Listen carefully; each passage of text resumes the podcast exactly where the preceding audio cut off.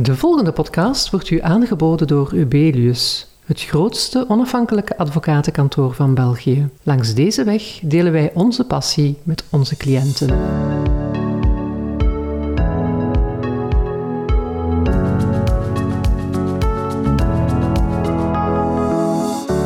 Ja, managementparticipatie biedt heel wat opportuniteiten, maar het moet wel op een juiste manier gestructureerd worden. Welkom bij deze Ubelius podcast. In deze podcast gaan we dieper in op managementparticipatie. Deze techniek laat toe om managers of andere werknemers nauwer bij een bedrijf te betrekken. Maar managementparticipatie heeft meer om het lijf dan deze managers of medewerkers gewoon een paar aandelen te laten verwerven en zo te laten delen in de resultaten. Wat komt hier zoal bij kijken? We vragen het aan Felix Dobbelaren. Felix is partner bij Ubelius en legt zich toe op fusies, overnames en herstructureringen. In deze context is managementparticipatie een onderwerp waarmee hij dagelijks aan de slag gaat.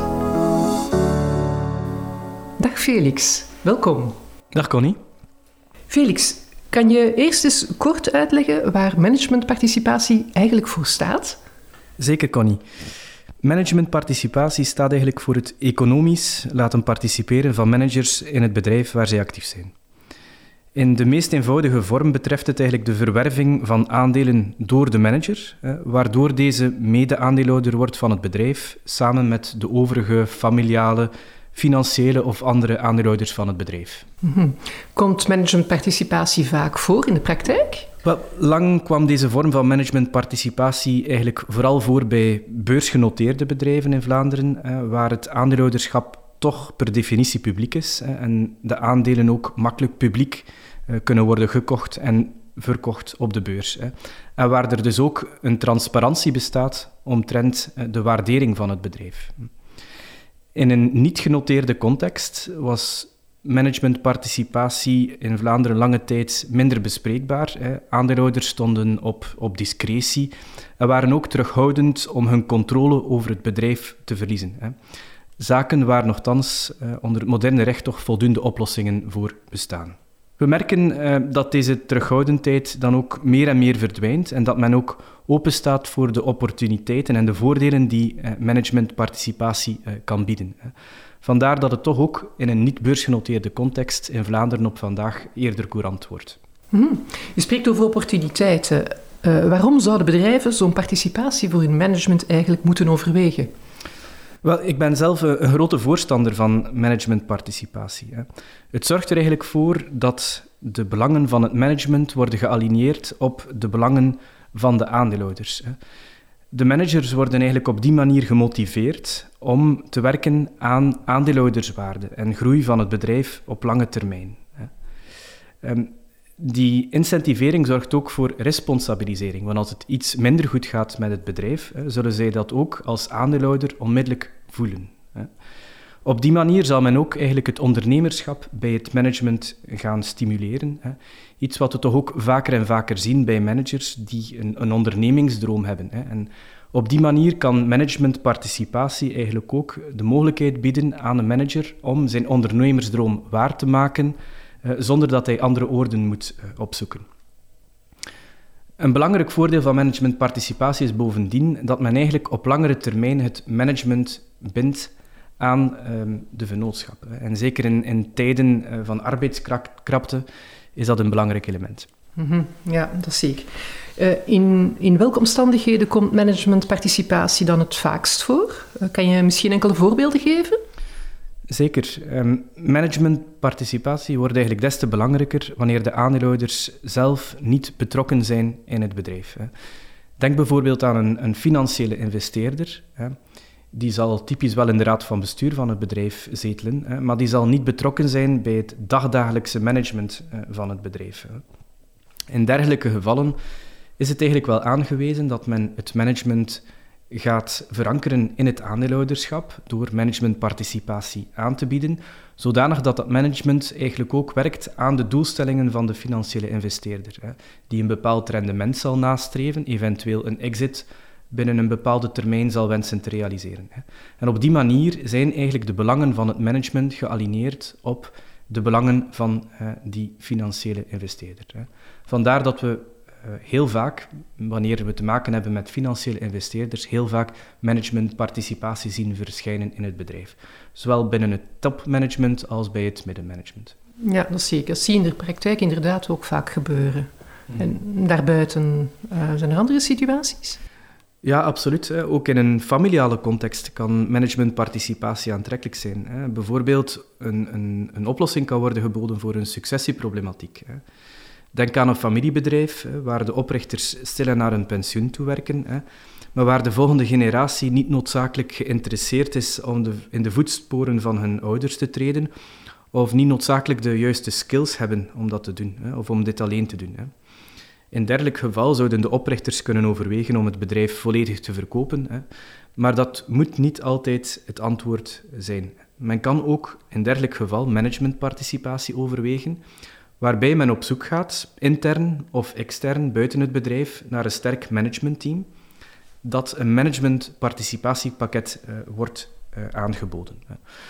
Op die manier is de operationele continuïteit gegarandeerd, hè, terwijl die oprichters wel aandeelhouder blijven van het bedrijf en de controle behouden over het bedrijf. Ja, dat is een heel andere setting, effectief.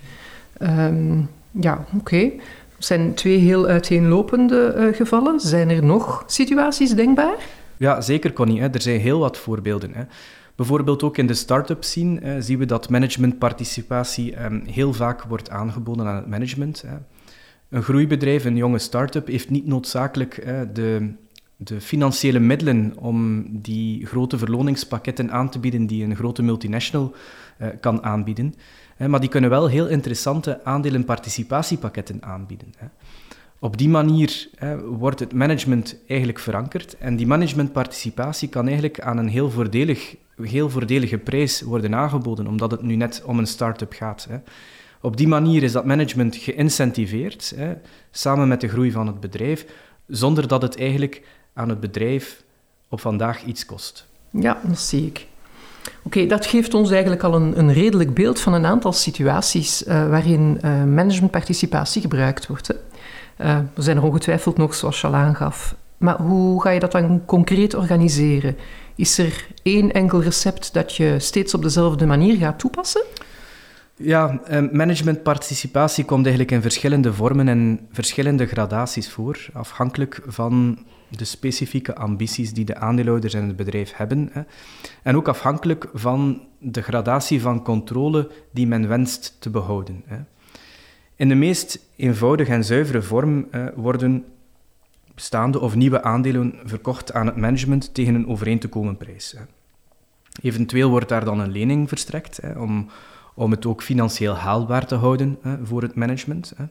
En men zou zelfs kunnen overwegen om de aandelen met een korting of zelfs gratis aan te bieden aan het management. Wanneer men dat laatste doet, dan moet men natuurlijk ook wel goed nagaan wat de fiscale gevolgen zijn die daaraan gekoppeld zijn. Ja, daar is hij. Fiscaliteit, de olifant in de kamer. Ja, inderdaad. Fiscaliteit is een aandachtspunt bij alle vormen van managementparticipatie. Managementparticipatie op een verkeerde manier structureren kan fiscaal zware gevolgen hebben, zowel voor het bedrijf als voor de manager zelf, hè, waardoor men soms net het omgekeerde bereikt als wat men wenste te realiseren, met name het incentiveren van het management. Oké, Felix, je hebt net geschetst hoe de manager aandeelhouder wordt naast de andere aandeelhouders. En op die manier gaat hij dus er belang bij hebben om de onderneming te laten floreren. Kan het ook anders dan met aandelen? Ja, in de, de meest eenvoudige vorm gaat het dan om de verkoop van aandelen. Maar soms wenst men eigenlijk enkel het management economisch te laten participeren in het bedrijf, zonder dat men eigenlijk de controle afstaat eh, aan het management of het management wenst te betrekken in de besluitvorming van het bedrijf. En dan eh, kan men overwegen om in de plaats van gewone aandelen aan te bieden aan het management, aandelen zonder stemrecht toe te kennen die aandelen delen in de winsten van het bedrijf, maar de manager heeft geen stemrecht op de algemene vergadering. Men kan ook overwegen om, om winstbewijzen aan te bieden in plaats van aandelen. Dan wordt het management eigenlijk nog meer buiten die besluitvorming, buiten de algemene vergadering gehouden, maar de manager zal wel economisch mee participeren in de resultaten van het bedrijf. Ja, oké. Dus de manager participeert via zijn aandeel of winstbewijs in de resultaten, maar zijn beslissingsbevoegdheid is eerder beperkt. Als ik zo over um, die participatie hoor spreken, dan heb ik de indruk dat het vaak ook georganiseerd wordt met opties in plaats van aandelen of winstbewijzen. Klopt dat? Klopt, hè? dat is ook iets wat we heel vaak zien, zeker in een, um, bij een groeibedrijf. Hè. Het is zo dat uh, in dergelijk geval um, men niet onmiddellijk de aandelen of de winstbewijzen verwerft, hè, maar men spreekt af dat die aandelen of winstbewijzen kunnen worden verworven over een bepaalde termijn. Hè. Stel bijvoorbeeld vijf jaar. Men wordt niet onmiddellijk aandeelhouder, hè, maar men heeft het recht om over vijf jaar in dergelijk geval hè, die aandelen of die winstbewijzen te verwerven aan een prijs die op vandaag reeds wordt vastgelegd. Dus aan de marktwaarde, de marktprijs van vandaag. Dat zorgt er eigenlijk voor dat alle groei die gerealiseerd wordt in de komende vijf jaar ook effectief ten goede komt aan de managers. Stel dat het bedrijf eh, over vijf jaar dubbel zoveel waard is als vandaag, dan zal de manager wel op dat ogenblik de aandelen kunnen verwerven aan de prijs eh, van vandaag. Wat er dan ook heel vaak aan gekoppeld is, is dat men daar bepaalde voorwaarden eh, aan gaat koppelen. Hè. Dat men eigenlijk die aandelen pas zal kunnen verwerven na vijf jaar, indien bepaalde voorwaarden voldaan zijn. Hè. De meest evidente en courante voorwaarde is het feit dat men op het ogenblik dat men die aandelen verwerft ook nog effectief manager moet zijn. Hè. Dat is evident. Hè. Ja. Maar men kan daar verder gaan. Hè. Men kan daar eigenlijk bijvoorbeeld het realiseren van het businessplan als voorwaarde aankoppelen. Hè. Dus er, inderdaad. Hè. Dus men kan dat volledig gaan eh, modaliseren. En het leuke aan die, die aandelenoptieplannen of, of is het feit Um, dat er een, een, aantrekkelijk Belgisch fiscaal regime van toepassing is. Hè. Als men dat op een correcte manier structureert, dan kan men er eigenlijk voor zorgen dat die meerwaarde die gecre gecreëerd wordt en gerealiseerd wordt via die aandelenopties of die waranten, die inschrijvingsrechten, hè, um, dat die aan een voordelig fiscaal tarief uh, te goede komt uh, aan het management. Oké, okay. er zijn best veel mogelijkheden eigenlijk. Maar ik begrijp heel goed dat het heel belangrijk is om dit op een doordachte manier om te zetten. Uh, omwille van de fiscaliteit, maar ook omwille van de impact die het heeft in, uh, in de structuur van de vennootschap. Klopt, inderdaad. We kunnen het volledig op maat uh, uitwerken en men kan het zo complex maken als men het wenst. Hè. Maar wij vinden het altijd belangrijk om een duidelijke en begrijpbare structuur uit te werken, ook voor het management. Hè. We gaan aan, altijd veel aandacht besteden ook aan de wijze waarop die managementparticipatie wordt uitgelegd aan het management. Dat zij begrijpen hè, waar zij instappen. Hè. Dat zorgt ervoor dat dat managementpakket ook attractief is hè, en dat het ook ten volle die, dat incentiverend eh, effect heeft. Typisch gaan we via een infosessie eigenlijk heel duidelijk de mogelijke upside aan het management uitleggen, maar ook eh, de mogelijke risico's die eraan gekoppeld zijn. Nou, het is duidelijk dat uh, zo'n participatie voor het management heel wat mogelijkheden en opportuniteiten biedt. Um, ik onthoud voornamelijk dat het heel belangrijk is om goed na te denken over de modaliteiten en de consequenties ook. Um, voor de werking van de vennootschap, maar zeker ook voor de manager en de vennootschap voor de fiscale behandeling. Goed. Dank je Felix voor deze zeer interessante en boeiende inkijk in dit onderwerp. Heel graag gedaan, Connie. U luisterde naar een podcast van Ubelius. Voor meer informatie kan u terecht op ubelius.com.